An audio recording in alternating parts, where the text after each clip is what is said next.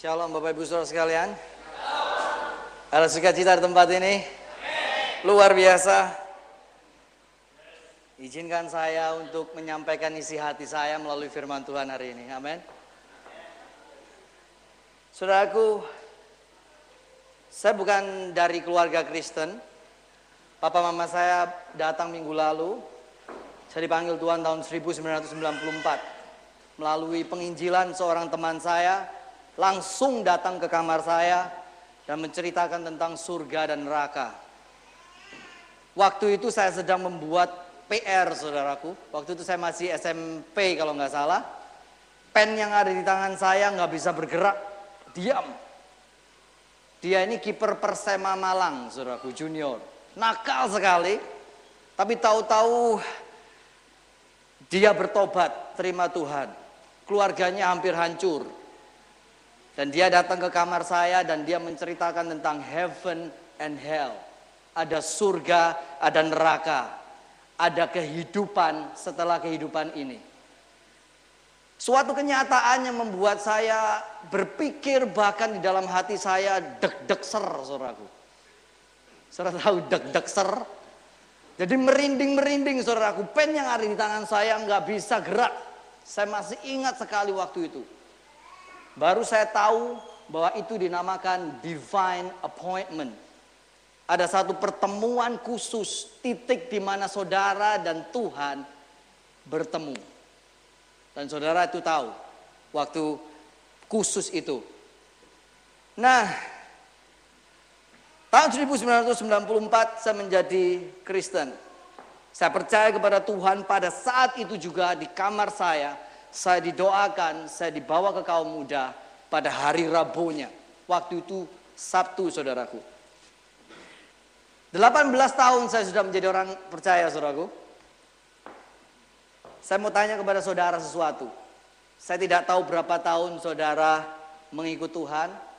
Tetapi saya pertanyaan saya begini apakah nama Yesus tetap membuat saudara jatuh cinta setiap hari? Mungkin saudara baru percaya Tuhan sebulan, dua bulan, setahun, dua tahun, bahkan delapan belas tahun seperti saya. Apakah nama Yesus tetap berkuasa bagi kita? Amin. Pertanyaannya harus kita jawab apakah nama Yesus itu berkuasa dalam diri kita. Kalau enggak, kita mulai koreksi diri saudaraku. Something is wrong. Amen. Sebelum saya sampaikan ke, ke firman Tuhan hari ini, saya mau kesaksian sedikit saudaraku. Beberapa bulan ini saya bergumul tentang adik saya nomor dua. Dari keluarga saya, saya kita berempat saudaraku. Jadi yang saudara lihat minggu lalu itu adik saya uh, dua minggu lalu, adik saya nomor tiga, saya, nomor tiga dan nomor empat ini sudah ikut Tuhan. Tinggal mama, papa, dan adik saya nomor dua. Kalau saudara melihat saya, berbeda sekali dengan adik saya nomor dua, saudaraku. Saya orangnya cengangas, cengenges, saudaraku. Gak kelihatan kalau saya ada problem cengangas, cengenges gitu, saudaraku. Tetapi ada bergumulan, saudaraku. Selalu ketawa. Karena saya percaya bahwa ketawa itu menular, saudaraku. Ketawa itu luar biasa. Ada pepatah yang mengatakan begini, waktu saudara masih kanak-kanak, saudara ketawa 400 kali sehari. Tetapi waktu saudara sudah 40 tahun, saudara ketawa 10 hari, 10 kali sehari. Pertanyaannya, sisanya ke mana saudara? Jadi ketawa itu seger saudaraku. Amin. Nah kami saya bergumul dengan adik saya yang kedua. Adik saya ini keras orangnya keras sekali dan tetapi dia mencintai family, keluarga. Dan saya bergumul, kenapa mama saya cerita kalau adik saya diguna-guna. Dan ketika dia dilayani, dia muntah darah. Jadi ada yang mengguna-guna saudaraku. Ada guna-guna. Karena persaingan dagang dan sebagainya, ternyata dia diguna-guna. Saya bergumul sekali, ini adik saya. Kalau kita seseorang yang kita cintai, pasti saudara akan merasa kehilangan. Benar? Ini adik saya nomor dua. Tuhan bagaimana saya bisa melakukan atau memberitakan kebenaran ini supaya dia kenal Tuhan dan percaya Tuhan. Susah, seperti batu saudara. Dan singkat cerita hanya dengan ngomong sama Tuhan. Tahu-tahu beberapa bulan, dua bulan, tiga bulan yang lalu kalau nggak salah. Saya dapat berita, Ko, adik saya nomor empat. Adik saya nomor dua namanya Johan. Ko, Ko Johan dibaptis. Saya nggak bisa ngomong saudaraku. Kenapa kok dibaptis? Dia sekarang aktif di gereja. Karena dia punya pacar orang Kristen. Lalu pertanyaan saya mulai muncul. Saya nggak mau cuman bilang dia punya pacar, lalu dia percaya Tuhan, saudaraku. Tapi saya mau ada satu divine appointment. Ada sesuatu yang berubah. Lalu saya selidik punya selidik. Oh, kamu coba selidikin buat Koko. Apa Ko Johan atau adik saya Johan ke gereja karena pacarnya, saudara. Saudara bisa melihat perbedaannya kan? Lalu saya bilang, saya nggak puas. Dia tanya sama pacarnya. Pacarnya bilang begini, saya itu nggak pernah suruh dia ke gereja. Jadi dia dikenalin sama mama saya, sama um, pacarnya ini. Dia nggak pernah ke gereja, saudaraku. Nggak pernah suruh dia ke gereja. Dia tidak pernah suruh dia untuk ikut kebaktian, tapi dia ikut kebaktian. Pertama kali ikut kebaktian, diam, saudaraku, tenang. Katanya mulai angkat tangan sedikit-sedikit. Lalu mulai angkat tangan begini, saudaraku, seperti orang Pentakosta. Begini, oh. Lalu di, dikatakan bahwa pacarnya tidak pernah mengatakan apa-apa kecuali ini. Kamu kalau nyanyi, mbok jangan lagu duniawi terus. Mbok sekali-sekali lagu rohani. Itu saja perkataannya yang dikatakan pacarnya. Setelah terjadi demikian, adik saya bilang, saya mau dibaptis secepatnya. Dia mengikuti kebaktian berkali-kali, saudaraku. Singkat cerita, apa yang dilakukan adik saya? Saya mengikuti perkembangannya sampai hari ini. Saya bilang, bagaimana dia sekarang? Dia sungguh berapi-api. Waktu hari Rabu ada persekutuan doa malam, selalu hadir di persekutuan doa malam. Sekarang kebaktian jam 7 pagi di Indonesia, setengah 7 pasti sudah siap untuk ke gereja. Saudaraku, ada perubahan terjadi. Amin. Mari berikan tepuk tangan untuk Yesus Tuhan.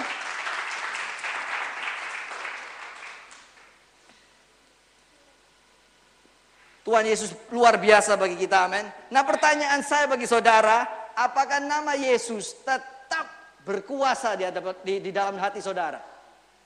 Loh saya sudah 10 tahun jadi orang Kristen, 20 tahun saya baca Alkitab bolak-balik. Pertanyaannya sama, apakah Yesus tetap berkuasa bagi saudara dan saya? Jawab sendiri saudaraku. Nama Yesus membuat suatu pengharapan yang lain. Dunia ini nggak bisa memberikan pengharapan. Kalau saudara gandolin atau megang dunia ini, saudara nggak, saudara akan kecewa. Tidak ada pengharapan di dunia ini. Saudaraku izinkan saya sharing dalam hati saya. Hari ini saya kasih judul topik khotbah saya yang namanya dekat dengan Tuhan. Adalah satu kerinduan bagi kita untuk kita bisa dekat sama Tuhan. Kalau suami istri bisa dekat, itu merupakan satu hal yang harmonis, saudaraku apalagi saudara dekat dengan Tuhan. Amin. Saya akan kasih tahu bagaimana caranya kita ber, kita dekat dengan Tuhan. Ada pepatah mengatakan begini suraku, lebih baik sesuap nasi tetapi disertai dengan ketentraman daripada makanan yang berlimpah-limpah tetapi disertai dengan pertengkaran. Artinya ketentraman, damai sejahtera itu dicari Tuhan, eh, cari manusia di mana-mana.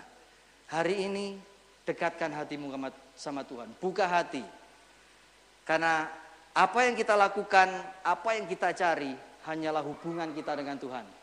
Saudara aku percayakah bahwa kekristenan itu berbicara mengenai hubungan? Amin.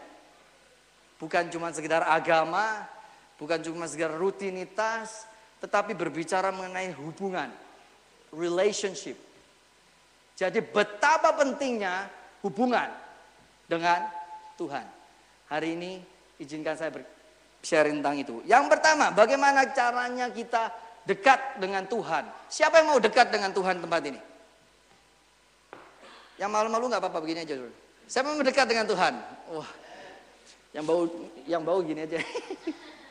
Luar biasa. Bagaimana kita caranya dekat dengan Tuhan? Yang pertama, saudara harus mempunyai hati yang mencari. Bagaimana kita dekat dengan Tuhan? Saudara harus disertai dari hati, saudaraku. Kalau kita mau dekat dengan Tuhan, maka saudara harus punya yang namanya hati yang mencari. God chases, chasing God. Memburu Tuhan. Oh ini satu keputusan saudaraku, satu pilihan. Ini bukan terjadi otomatis saudaraku. Pada waktu kita masih kecil, kita tidak merasa saudaraku. Setelah kita bertumbuh dewasa dan tambah dewasa, tambah kita dewasa, maka kita menghadapi suatu kenyataan bahwa setiap hari kita harus memilih. Betul? Setiap hari kita harus membuat keputusan demi keputusan. Dengan semua kesibukan kita, kita tetap harus membuat keputusan. Pertanyaan saya, punyakah saudara hati yang mencari? Cari Tuhan. Simple. A passion that is coming from your heart. Is not from your mind from this. Cari Tuhan. Jangan puas hanya dengan satu keadaan di mana saudara kenal hanya sedikit-sedikit mengenai Tuhan. Kita bisa mencari lebih lagi. Saya tidak tahu bentuknya bagaimana saudara mencari. Mari kita buka kitab Amos. Saya akan masuk ke dalam firman Tuhan. Hari ini saya cuma ada 13 poin saudaraku. 13 poin. Muka-muka udah kecewa semua. Hanya tiga poin hari ini. Yang pertama Amos 2 ayat 9 sampai 10. Amos 2. Saudaraku, kitab Amos ini jarang dikotbahkan di gereja ya. Atau mungkin saudara tidak tahu ada kitab Amos. Tahu dong. Saudara tahu Matius, Markus, Lukas, Yohanes. ada Amos saudaraku. Ya Amos. Ada yang namanya Amos di sini? Enggak ada, luar biasa. Saya akan ceritakan sebelum kita membaca Amos, saudaraku. Ini kejadian peristiwa di mana Israel dengan Tuhan. Israel itu kalau dilihat mereka bangsa pilihan. Tapi mereka itu bandel, saudaraku. Perjalanannya hubungan dengan Tuhan itu naik turun seperti seperti ini, saudaraku. Fluctuated. Amos adalah seorang nabi kecil dari antara semua nabi-nabi kecil yang Tuhan tentukan. Amos ini disebut nabi kecil karena bukan karena dia badannya kecil, enggak saudaraku. Bukan badannya pendek, enggak. Saya, saya, saya tinggi ya, luar biasa. Bukan karena badannya pendek, tidak. Bukan karena tubuhnya kecil, tidak. Tetapi karena scripture, apa yang ditulis dia di firman Tuhan itu lebih pendek daripada nabi-nabi yang lain. Jadi Amos disebut nabi kecil. Kalau saudara baca kitab Amos hanya sembilan pasal. Nah, siapa Amos? Amos seorang peternak yang dipakai Tuhan untuk menyampaikan isi hati Tuhan kepada bangsa Israel. Pada waktu itu dia ada di kerajaan yang namanya kerajaan Yehuda. Dan seberangnya ada kerajaan namanya Israel. Kerajaan Yehuda dipimpin oleh rajanya Uzia. Raja Israel, Raja Yeroboam kedua. Nah Amos ini peternak, Amos ini disuruh Tuhan pergi ke battle, ke Israel. Dikatakan kamu harus menyampaikan isi hatiku kepada bangsa Israel pada waktu itu. Saudaraku keadaan bangsa Israel itu jelas waktu itu. Bangsa Israel mengalami masa kejayaan pada waktu itu. Bangsanya menjadi kaya, menjadi luar biasa enaknya. Jadi ketika Amos ada di situ, ada comfort zone di sana. Bangsa Israel di dalam comfort zone mereka. Tugas Amos ada tiga. Yang pertama, dia harus menyampaikan keadilan. Karena banyak ketidakadilan terjadi di Israel. Yang kedua, Amos harus menyampaikan kemahakuasaan Tuhan dan kemahatauan Tuhan. Israel lupa bahwa Tuhan Maha Kuasa dan Tuhan Maha Tahu. Yang ketiga, Amos harus menyampaikan hukuman Tuhan atas Israel dan bangsa-bangsa lain. Mari kita buka Amos 2 ayat 9 sampai 10.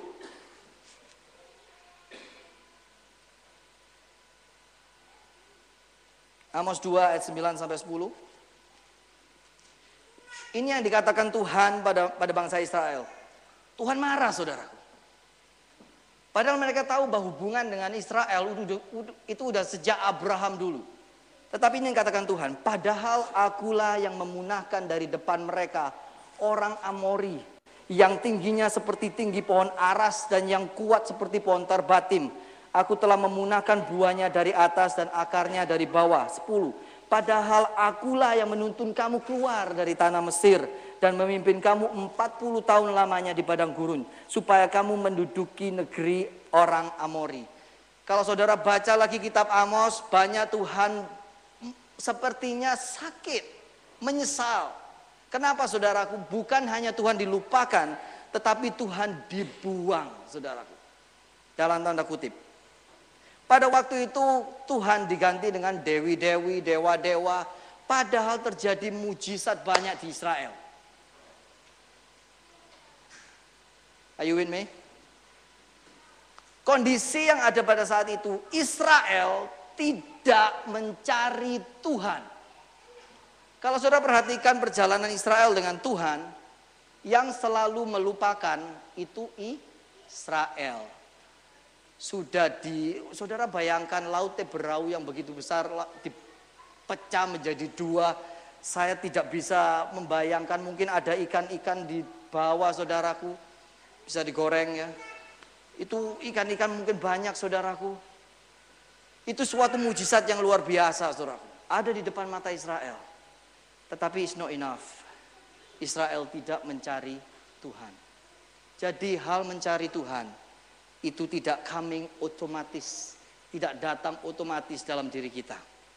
Matius berkata berbahagialah mereka yang haus dan lapar karena mereka akan dipuaskan. Hari ini saya tantang saudara. Datang ke gereja minggu. Bagaimana kondisi hati kita? Senggol kiri kanan katakan, lu gimana lu? How are you? Gitu dong, senyum dikit kenapa sih? Luar biasa. Senggol kiri kanan lagi, are you well? Yes. Oh siapa tahu orang sebelah kiri kanan saudara lagi sedih saudara. Hari ini, poin yang pertama katakan, aku mencari Tuhan. I wanna I wanna see God. Berapapun saudara mengerti tentang firman Tuhan, it's all about seeking God. Aku mau mencari Tuhan. Seberapa hauskah terserah saudara. I want you to get more and more and more. Saudara lalu akan mengatakan dalam hidup saudara yang ini belum pernah terjadi di hidupku. Wah, I love it. Kalau yang ini sudah pernah terjadi dan terjadi, rutinitas terjadi, I want more. Amin. Yang pertama, oke. Okay. Sekarang bagaimana supaya kita bisa mencari Tuhan, saudaraku? Ada satu uh, satu cara yang dipakai oleh eh, nabi-nabi uh, juga uh, Tuhan Yesus sendiri. Caranya salah satunya ada begini. Ini bentuk ya saudaraku ya, ini bukan prinsip. Ini bentuk caranya mencari Tuhan. Yang bentuknya adalah menyendiri.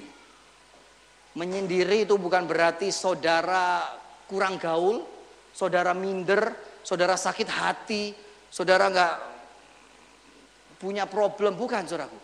Tetapi saudara dengan sengaja membuat diri saudara menyendiri di dalam suatu kesunyian. Itu yang dilakukan oleh para nabi-nabi dulu ke gunung untuk mencari Tuhan untuk mencari dirinya sendiri. Kesunyian saudaraku. Jadi waktu kita, kita harus punya waktu untuk menyendiri. Siapa yang di tempat ini yang mengatakan saya tidak pernah sibuk dalam hidup? Kita semua sibuk saudaraku. Amin. Hidup di Australia sibuk saudaraku. Kalau saudara tidak punya waktu menyendiri dengan Tuhan, saudara rugi. Adakan waktu sendiri di mana suami, istri tidak di situ lagi. Artinya, hati saudara sedang mencari Tuhan. Hati saudara sedang mengejar Tuhan. Bukan karena saudara sok rohani, tidak. Tetapi hati saudara sedang mengejar Tuhan.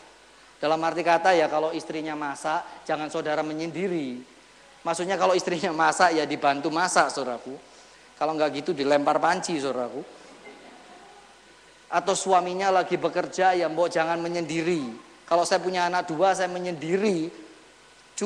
Sedikit aneh saudaraku. Tetapi yang saya maksud adalah ketika hati saudara haus, ketika saudara mau mencari Tuhan, saudara adakan waktu menyendiri.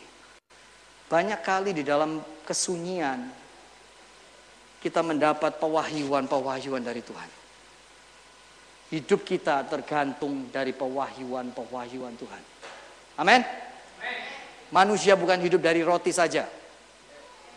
Bukan dari nasi goreng, bukan saudaraku. Tapi dari firmanku yang hidup. Amin. menyendiri saudaraku.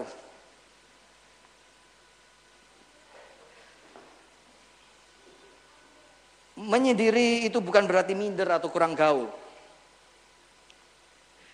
Kesunyian adalah teman baik untuk refreshing dan bahkan pencerahan dan juga wahyu. Di tempat kesunyian kita bisa menemukan kekuatan yang tidak ditemukan di shopping mall, di konser, bahkan di KKR sendiri. Tuhan Yesus menyendiri di Taman Getsemani berdoa ada kalanya kita refresh, saudara. Di dalam semua kesibukan kita, kita menyendiri. Seperti Raja Daud. Raja Daud itu tiap malam menyendiri. Kalau saudara baca Mazmur, saudara akan akan lihat bagaimana romantisnya Raja Daud dengan Tuhan Yesus. Walaupun sebenarnya dia, saudara kalau saudara tahu, walaupun sebenarnya dia adalah seorang pembunuh, saudara. Seorang penzina, berbuat zina. Seorang yang licik. Saudara mendengar uh, uh, tahu cerita Raja Daud bukan? Habis dia diangkat dengan Goliat, habis dia menang dengan Goliat, namanya termasyur, dia terlibat selingkuh dengan Bathsheba. Itu Raja Daud. Tetapi Tuhan tahu hati Raja Daud. Dan begitu sensitifnya Raja Daud hatinya, Sampai ketika Nabi Nathan datang kepada dia dan dia menceritakan sebuah perumpamaan dan Raja Daud marah dan bilang, "Siapa orang itu?" Nabi Nathan bilang apa? "Itu kamu." Kalau saya jadi Raja Daud atau saudara jadi Raja Daud, saudara akan bilang, "Lu siapa? Lu kan nabi gua, gua kan raja." Tetapi karena hati Daud itu dekat dengan Tuhan, hati Daud itu mencari Tuhan, sensitif, peka, membuat dia rendah hati, saudara. Ketika ditegur oleh Nathan, dia langsung berlutut. Saudara baca itu. Amin. Dia membunuh suami dari Bathsheba, yaitu Uria. Itulah Raja Daud. Jadi hati yang mencari Tuhan itu penting sekali saudaraku. Mari kita buka Mazmur 8, 3 sampai 9.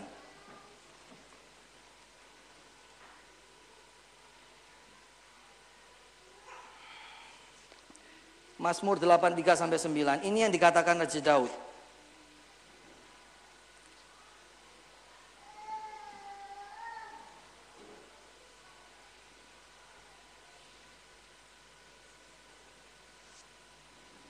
Oh, uh, 4 sampai 9 saudaraku.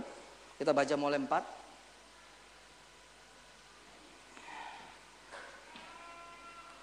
Sudah ketemu ya? Di atas ada ya. Jika aku melihat langitmu, buatan jarimu, bulan dan bintang-bintang yang kau tempatkan, apakah manusia? Sehingga engkau mengingatnya, apakah anak manusia? Sehingga engkau mengindahkannya. Namun engkau telah membuatnya hampir sama seperti Allah. Dan telah memakotainya dengan kemuliaan dan hormat. Engkau membuat dia berkuasa atas buatan tanganmu. Dan segala-galanya telah kau letakkan di bawah kakinya. Kambing domba dan lembu sapi sekalian juga binatang-binatang di padang, burung-burung di udara dan ikan-ikan di laut, dan apa yang melintasi arus lautan. Ya Tuhan, Tuhan kami, betapa mulianya namamu di seluruh bumi. Saudaraku coba virtualisasikan saudara sebagai Raja Daud. Coba saudaraku dan baca firman ini. Tentu ketika dia melihat bulan dan bintang itu malam hari saudaraku. Saudara akan melihat, coba jika aku melihat langitmu, buatan jarimu, bulan dan bintang-bintang yang kau tempatkan, apakah manusia sehingga engkau mengingatnya? Apakah anak manusia sehingga engkau mengindahkannya? Suatu hal yang dekat, saudara. Saya membayangkan dia ada di padang gurun lalu dia melihat langit. Dia bertatap muka dan dia berkomunikasi dengan Tuhan. Waktu dia menyendiri, dia menemukan rema demi rema. Ada sesuatu yang menggejolakkan hati dia. Ada sesuatu yang mendorong dia. I want you more, Jesus. I want you more, God. Pertanyaannya kepada saudara dan saya hari ini, do you want more? Amen. Yang itu yang pertama saudara, hati mencari.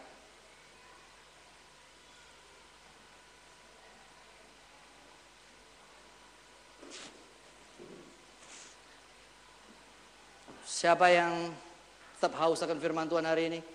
Mari kita buka Mazmur 1 ayat 1. Yang kedua, Mazmur 1 ayat 1.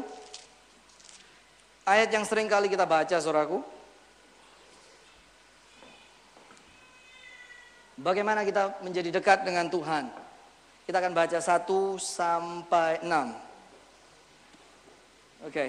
berbahagialah orang yang tidak berjalan menurut nasihat orang fasik yang tidak berdiri di jalan orang berdosa, yang tidak duduk dalam kumpulan pencemooh, tetapi yang kesukaannya ialah Taurat Tuhan dan yang merenungkan Taurat itu siang dan malam. Ia seperti pohon yang ditanam di tepi aliran air yang menghasilkan buahnya pada musimnya dan yang tidak layu daunnya apa saja yang diperbuatnya berhasil. Sampai sini dulu sampai empat, sampai tiga. Ia seperti pohon ayat ketiga, ayat ketiga yang ditanam di tepi aliran air yang menghasilkan buahnya pada musimnya dan yang tidak layu daunnya. Apa saja yang diperbuatnya berhasil. Kalau saudara baca ayat ini kira-kira bagian mana yang menarik saudaraku? Bagian mana?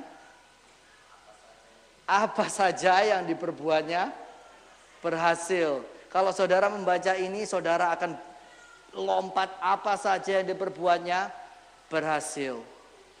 Tapi ada syaratnya yang pertama, saudaraku. Poin yang kedua, bagaimana dekat dengan Tuhan? Tidak ada lain adalah suka dan merenungkan Taurat Tuhan. Pada mulanya adalah firman, dan firman itu menjadi manusia. Itu yang Yohanes katakan. Kalau saudara ingin dekat dengan Tuhan, maka tidak ada jalan lain adalah firman Tuhan itu sendiri. Amin. Bagaimana kita bisa suka dan merenung? Di sini ada tiga tahap, saudaraku. Yang bertahap yang pertama adalah suka. Sebelum kita bisa masuk ke tahap dua dan tahap tiga, kita coba pikirkan tentang suka akan Taurat Tuhan. Dikatakan di ayat yang pertama dikatakan berbahagialah orang yang tidak berjalan menurut nasihat orang fasik. Yang tidak berdiri di jalan orang berdosa yang tidak duduk dalam kumpulan pencemooh tetapi yang kesukaannya ialah Taurat Tuhan.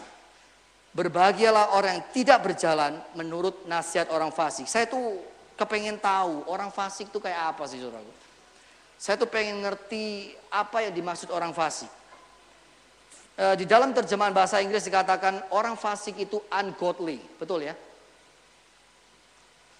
Dikatakan ungodly. Saya saya nggak puas lagi. Saya cari di bahasa aslinya. Bahasa aslinya adalah raza. R-A-S-H-A. Raza artinya morally wrong. Artinya morally wrong. Jadi berbahagialah orang yang tidak menurut nasihat orang fasik. Jadi berbahagialah orang yang tidak menerima nasihat-nasihat ungodly. Karena apa? Nanti akan mengarah kepada saudara akan suka kepada Taurat Tuhan. Saudara tidak akan pernah suka akan Taurat Tuhan jika saudara masih membuka hati untuk nasihat-nasihat yang morally wrong. It will draw you near to the word. Masuk akal?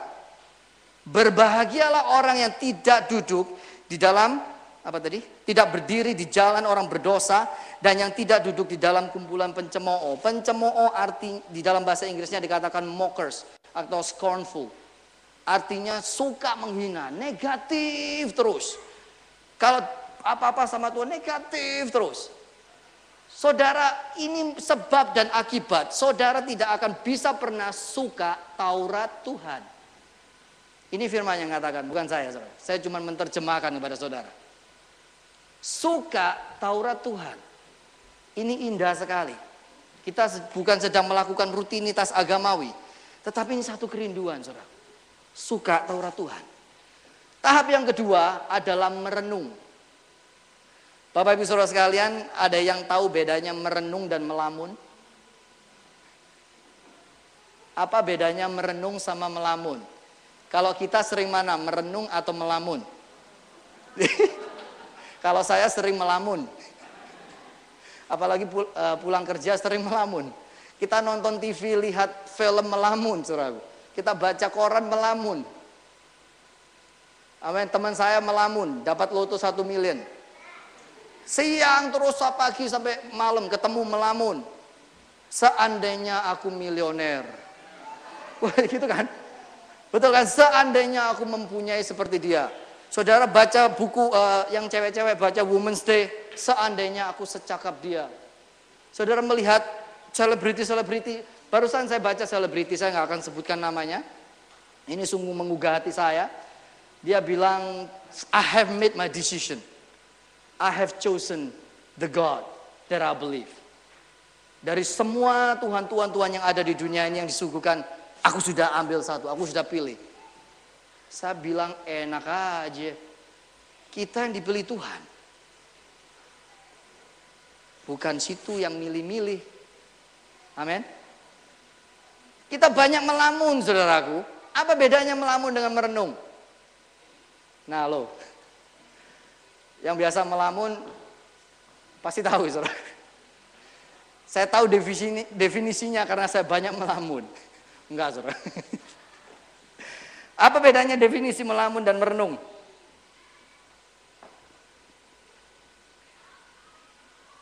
Dua-dua meramun dan merenung itu dua-dua itu hanyut dalam pikiran saudara.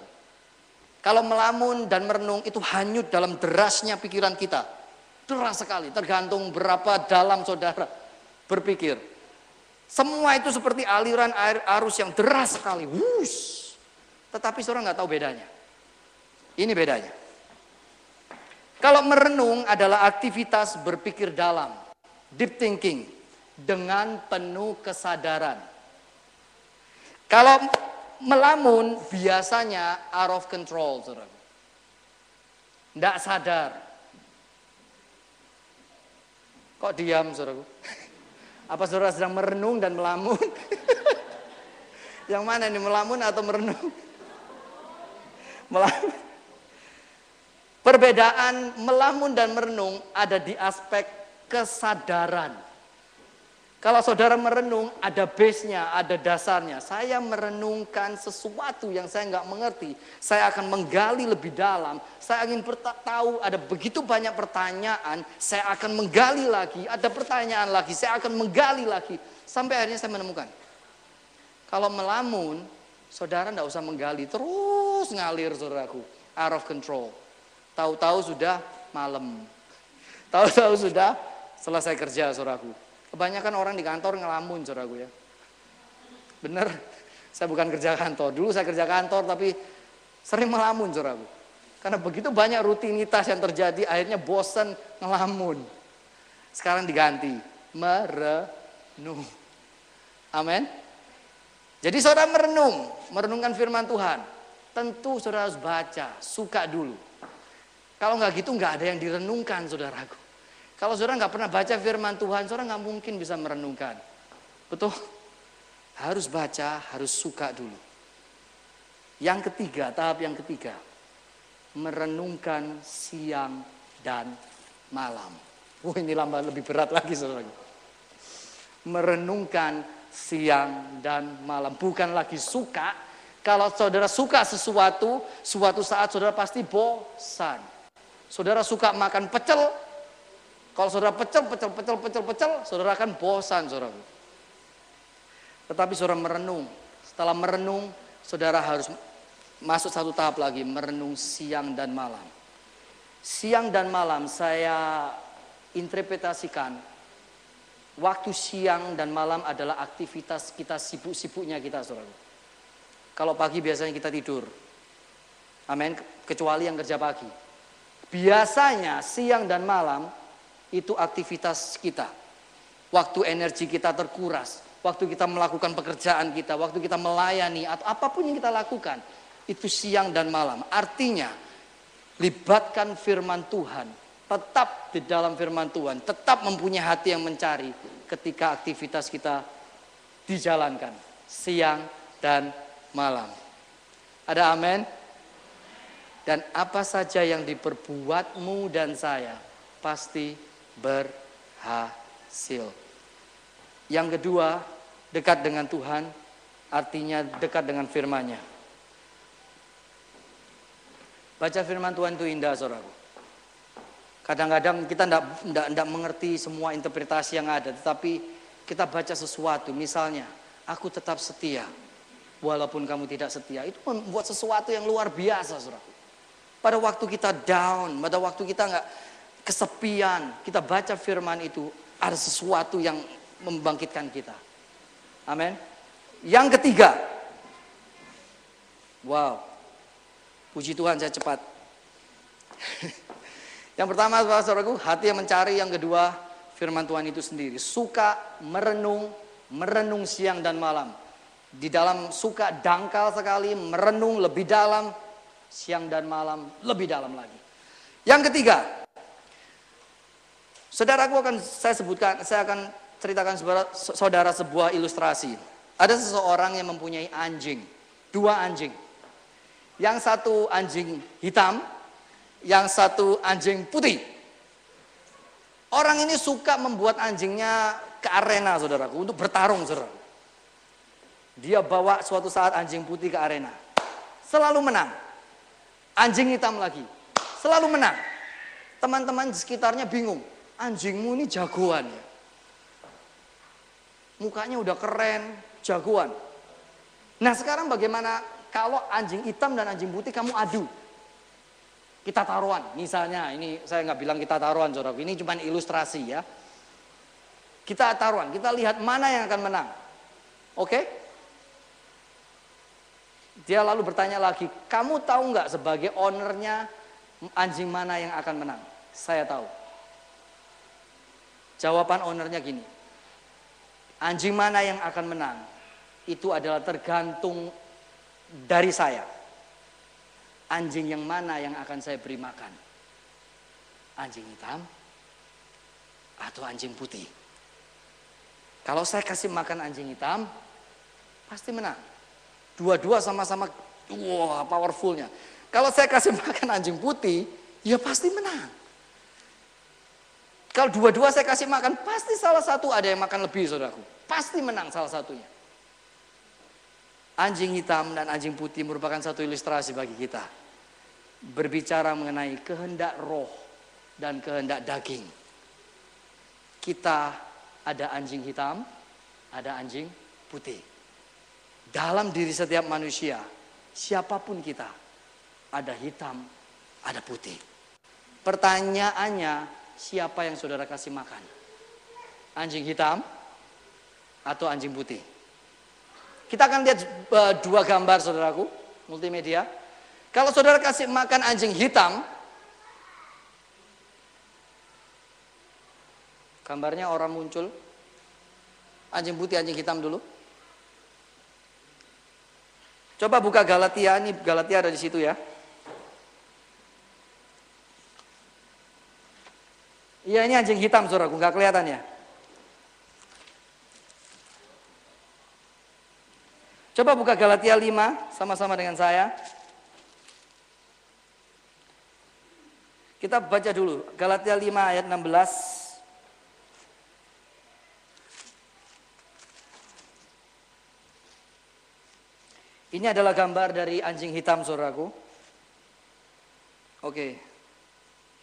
Galatia 5 ayat yang ke-16. Saya akan bacakan. Maksudku ialah hidup menurut daging dan atau roh. Itu judulnya. Maksudku ialah Galatia 5:16. Hiduplah oleh roh maka kamu tidak akan menuruti keinginan daging. Sebab keinginan daging berlawanan dengan keinginan roh. Dan keinginan roh berlawanan dengan keinginan daging. Karena keduanya bertentangan sehingga kamu setiap kali tidak melakukan apa yang kamu kendaki.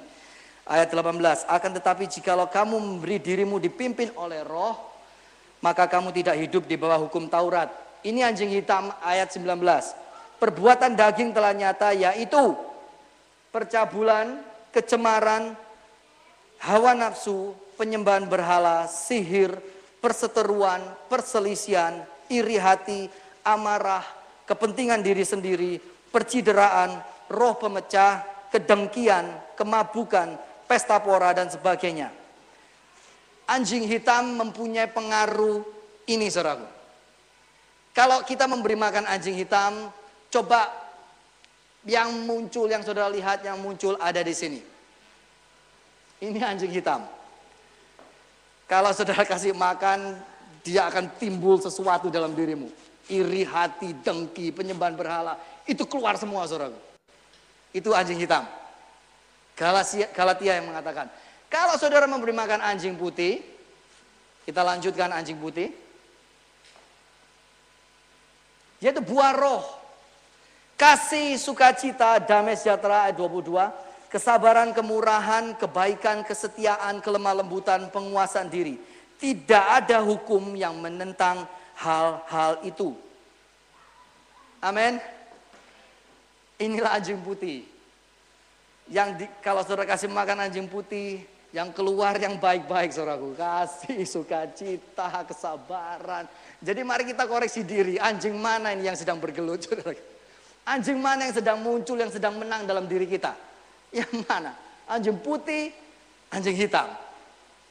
Dunia berusaha membuat mereka akur, saudaraku. Maka disebut anjing abu-abu. Ada daerah yang namanya abu-abu. Sebenarnya nggak ada, saudaraku. Hitam atau putih. Karena akan mengarah kepada sini. Kebaikan, coba kalau saudara sudah tidak baik hati lagi. Oh ini anjing hitam yang keluar ini. Kalau saudara masih iri, dengki lagi, sombong, ini anjing hitam yang saya kasih makan. Bukan anjing putih. Amin. Berikan senyum dong. Karena itu anjing putih senyum, luar biasa. Inilah anjing putih, kelemah lembutan. Kalau kita masih kasar sama istri misalnya, istri kasar sama suami bisa nggak ya? Bisa. Ya. Kalau kita kasar sama suami atau istri, saudara kasih makan anjing hitam, bukan anjing putih anjing putih harus saudara kasih makan. Mereka nggak bisa diakurkan saudara. Mereka tetap bertentangan. Konklusinya hidup ini adalah pertarungan. Tapi bukan melawan darah dan daging. Antara hitam dan putih dalam diri kita. Poin yang ketiga, bagaimana dekat dengan Tuhan. Saudaraku, turutilah kehendak roh kasih makan anjing putih. Jangan kasih makan anjing hitam. Ada banyak orang percaya mengatakan begini, ya yang penting saya itu aktif di gereja, yang penting saya itu berdoa, baik, cukup. Saudaraku, setiap saat saudara dan saya akan diperhadapkan satu choice. Hitam atau putih, hitam atau putih, hitam atau putih. Terus saudaraku, black and white, terus yang mana? Kalau saudara kasih yang yang yang yang putih, maka Roh Kudus yang akan memerintah saudara. Saudara akan akan merasakan damai sejahtera. Semua buah roh ada di dalam diri saudara. Saudara merasakan itu. Hidup ini akan menjadi indah, enak, nikmat saudaraku. Walaupun kita nggak punya satu miliar kayak tadi ngelamun, tapi kita masih bahagia. Karena kita dekat dengan Tuhan. Coba saudara kasih makan anjing hitam. Saya nggak ingkar saudara ya. Saudara kasih makan anjing hitam. Kerjaannya marah, dengki, iri hati, perselisihan. Lalu apa lagi saudaraku?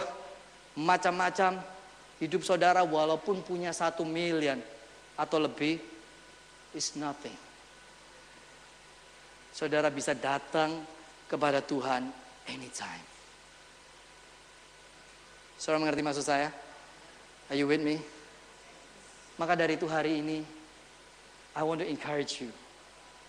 Do you want more? Oh that's it. Do you want more? Anjing mana yang saudara kasih? Tuhan yang kita sembah adalah Tuhan yang sama yang seperti Abraham sembah, seperti Yakub sembah, Ishak sembah, Daud sembah, Saulus yang kemudian disebut Paulus sembah, Tuhan yang sama yang saat ini saudara dan saya sembah. Dalam nama Tuhan Yesus. Amin. Jadi saya ingin menggugah hati saudara. Saya ingin membuat saudara uncomfortable hari ini. I want to shake your heart. Karena hari ini saudara akan menggali lagi, merenung, merenung bukan melamun lagi. Ketika saudara merenung, saudara menemukan sesuatu yang baru. Dan ketika saudara datang dekat, perubahan itu terjadi, saudara nggak tahu saudaraku. Saudara berubah menjadi jauh kepada Tuhan atau dekat kepada Tuhan. Tahu-taunya setelah ada hasilnya saudaraku. Wih, saya dekat sama Tuhan. Wih, saya tuh jauh, walaupun saudara melayani. Amin.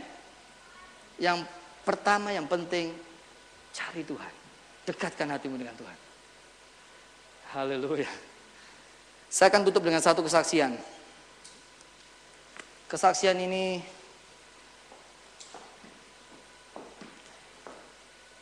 sudah lama sekali, um, tapi saya tidak pernah tidak tidak pernah lupakan kesaksian ini. Saya saksikan di youth uh, tahun lalu kalau misal. Pada waktu saya tahun 1994, saya bertobat, saya ada di gereja, saya nggak mengerti saudaraku. Saya seperti bayi lahir, yang yang yang yang tidak mengerti. Kekristenan bagi saya nggak mengerti sesuatu yang baru sekali. Saya datang ke situ, saya dididik, dibesarkan di gereja namanya GPPS, Gereja Pantekosta Pusat Surabaya. Dan e, pendetanya waktu itu pendeta pusat namanya Pak Ishak Leo. Pendeta ini sudah tua, tapi senang sekali doa, saudara. Jadi di gereja semua nurun di cabang-cabangnya semua, yang penting doa. Doanya itu luar biasa saudara. Setengah lima pagi datang ke gereja, pada rumah saya nggak nggak ya cukup 20 menit saudaraku. Datang ke gereja berdoa, setelah itu pulang.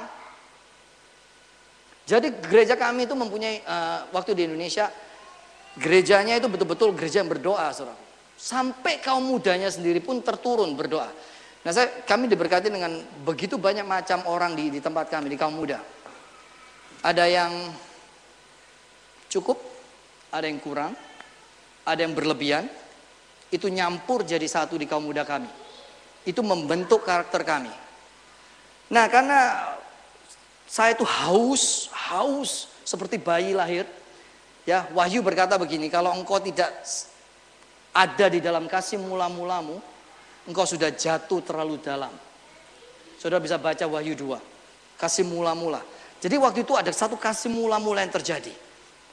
Saya haus sampai kebaktian wanita saya datang, kebaktian HK saya datang, kebaktian itu masih umur 17, 18. Kebaktian apa pun saya datang karena saya pengen tahu. Bukan karena saya mau aktif, tidak, saya nggak ngerti saudara. Saya pengen tahu firman Tuhan. Saya datang ke situ, lalu saya terbiasa dengan namanya doa. Setiap selasa kami berdoa. Setelah itu empat bulan, kira-kira empat bulan saya menjadi uh, orang Kristen. Saya ada di SMA namanya SMA Katolik ya. Setiap tahun ada retret saudaraku. Di dalam retret Katolik itu saya terpaksa harus datang, saya datang karena itu obligation, kewajiban buat pada waktu SMA. Saya datang ke eh, SMA itu. Dan di sana saya melihat saya hanya ingin persekutuan doa. Saya mau doa. Simple desire-nya. Lalu saya kumpulkan orang-orang yang yang yang percaya Tuhan, yang Kristen di kelas kami ada total 44 orang, di situ ada 4 orang, 5 orang kira-kira yang Kristen. Saya ngomong sama mereka, saya tidak peduli denominasi mereka apa, Pantai Costa boleh, Protestan boleh, apa pun juga saya grab mereka, bahkan orang Katolik sendiri saya grab. Yuk kita ngadakan persekutuan doa. Saya tidak bisa main gitar, saudara. Saya tidak bisa berkhotbah. Saya nggak ngerti firman Tuhan. Saya cuma menerima. Lalu ada satu visi terjadi dari saya. Makan nggak bisa, mandi nggak bisa, semuanya saya pikirkan. Waktu itu campnya tiga hari. Saya pikirkan, ini ada persekutuan doa. Saya cuma pengen doa. Saya punya dua teman baik di kelas itu, yang saya bawa ke gereja, saya grab ke gereja, dan mereka lahir baru. Lalu mereka itu menjadi teman sekerja sama saya. Saya ngomong sama dia, eh kita kalau doa hari ini enak. Iya aku juga enggak enak ini, kepengen aku berdoa gini. Ayo, ayo berdoa, ayo, ayo. Cuman gitu doang, simple. Lalu kita menjadikan itu, saya bilang, oke okay, kita bagi tugas. Apa nih? Oke, okay, dan kamu kamu kamu yang nyiapin lagu, kamu yang khotbah, kamu yang nyiapin semuanya, kamu. Terus kamu ngapain? Saya yang nariin orang. Enak di lu, nggak enak di gua. Lalu saya harus, harus menyiapkan khotbah. Khotbahnya saya nggak ngerti. Lalu saya mulai berpikir, yang paling baik itu saya berkhotbah tentang neraka. Ini beneran saudaraku, saya akan berkhotbah tentang neraka. Kalau kamu tidak bertobat, kamu masuk neraka. Poinnya gitu saudara, gitu doang saudaraku. Karena saya nggak mengerti. Kalau kamu tidak cepat-cepat bertobat memberikan diri, neraka pilihanmu. Saya keras.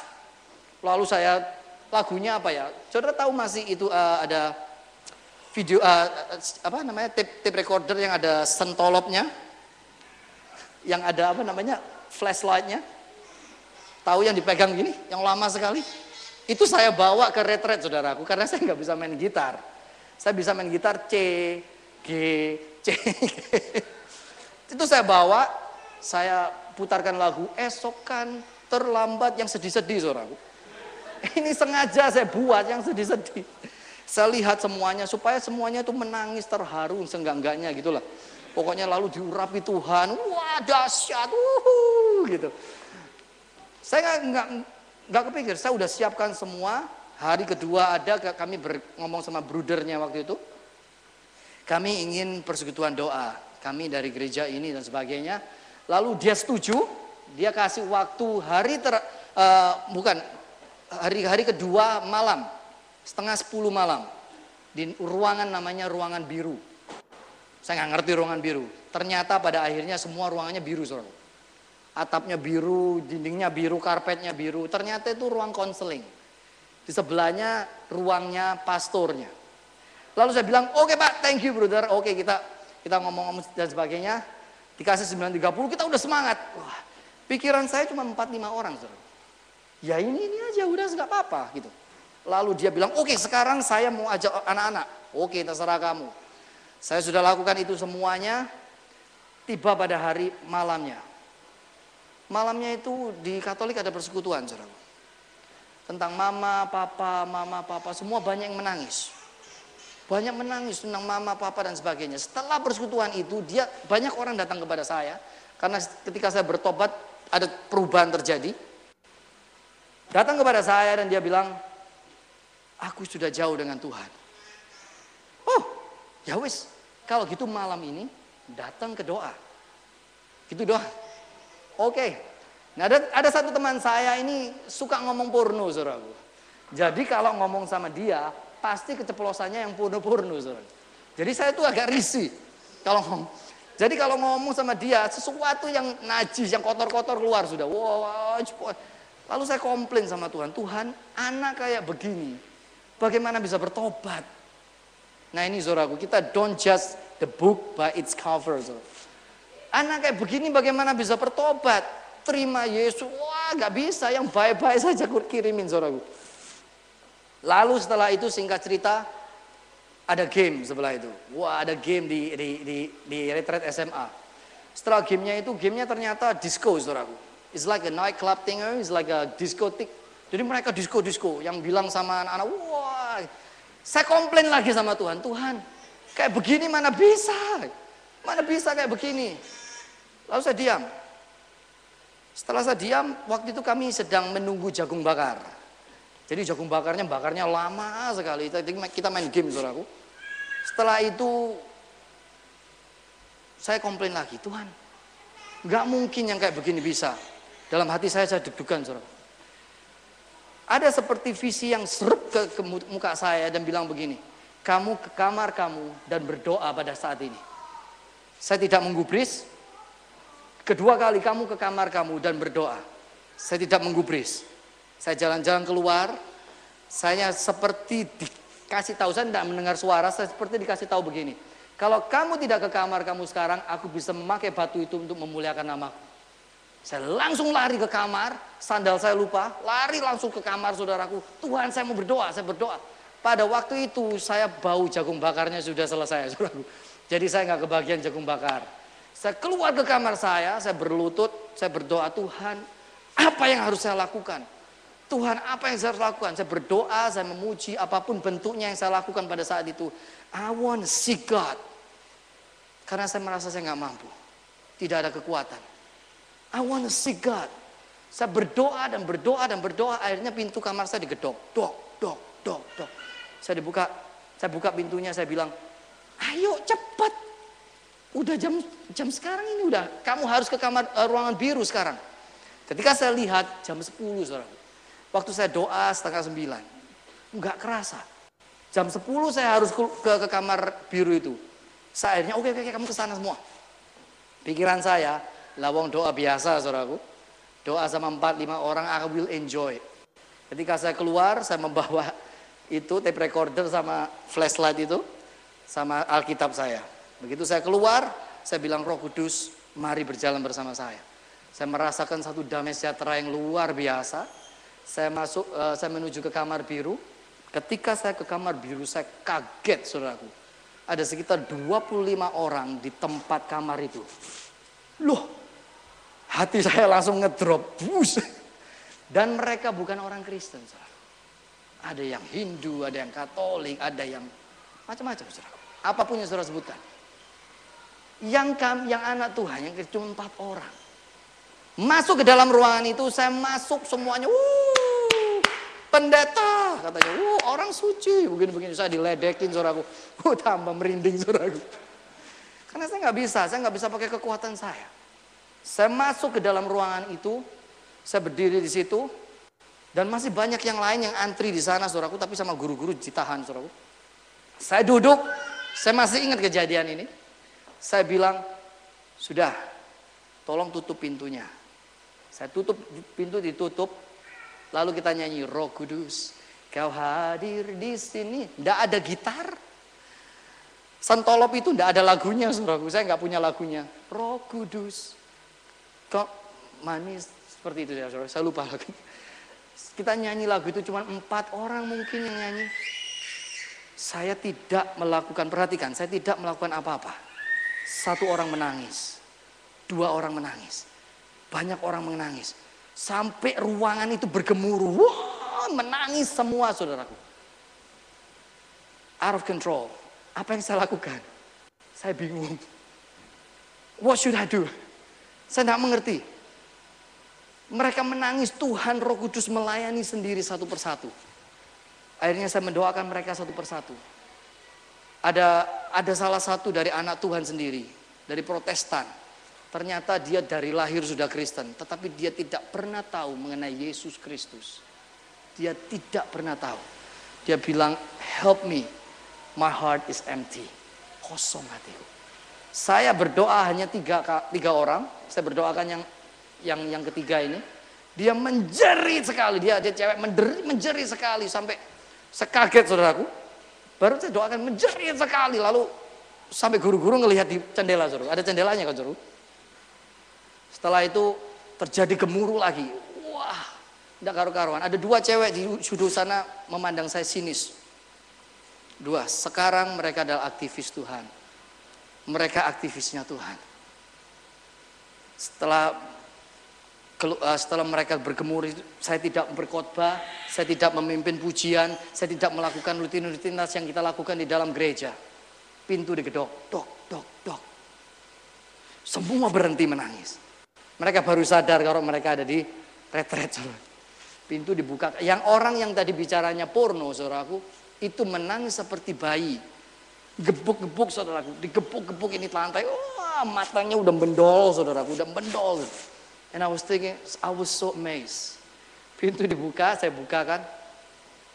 Brudernya yang ngomong sama saya. Ingat ya, saya kasih kamu sampai setengah sebelas. Sekarang sudah setengah satu malam. Saya bilang, wow setengah satu.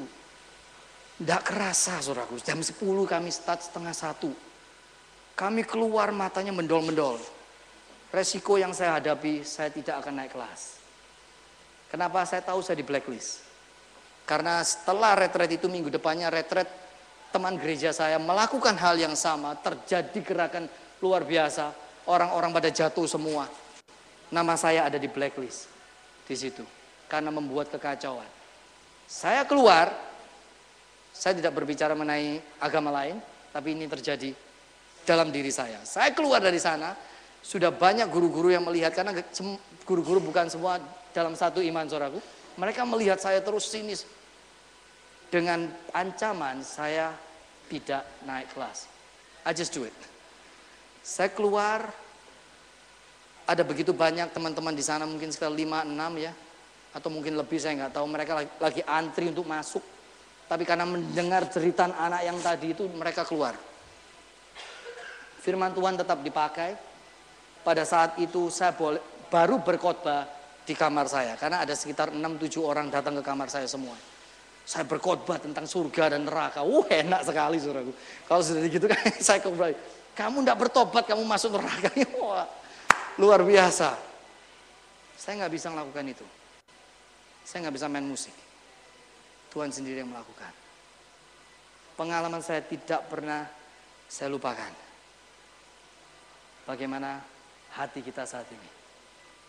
Amin. Saya hanyalah orang yang nggak nggak nggak ngerti apa-apa. Sejak saat itu saya mengerti Tuhan itu begitu besar bagi hidup kita. Dia sanggup mengubahkan semua orang. Amin.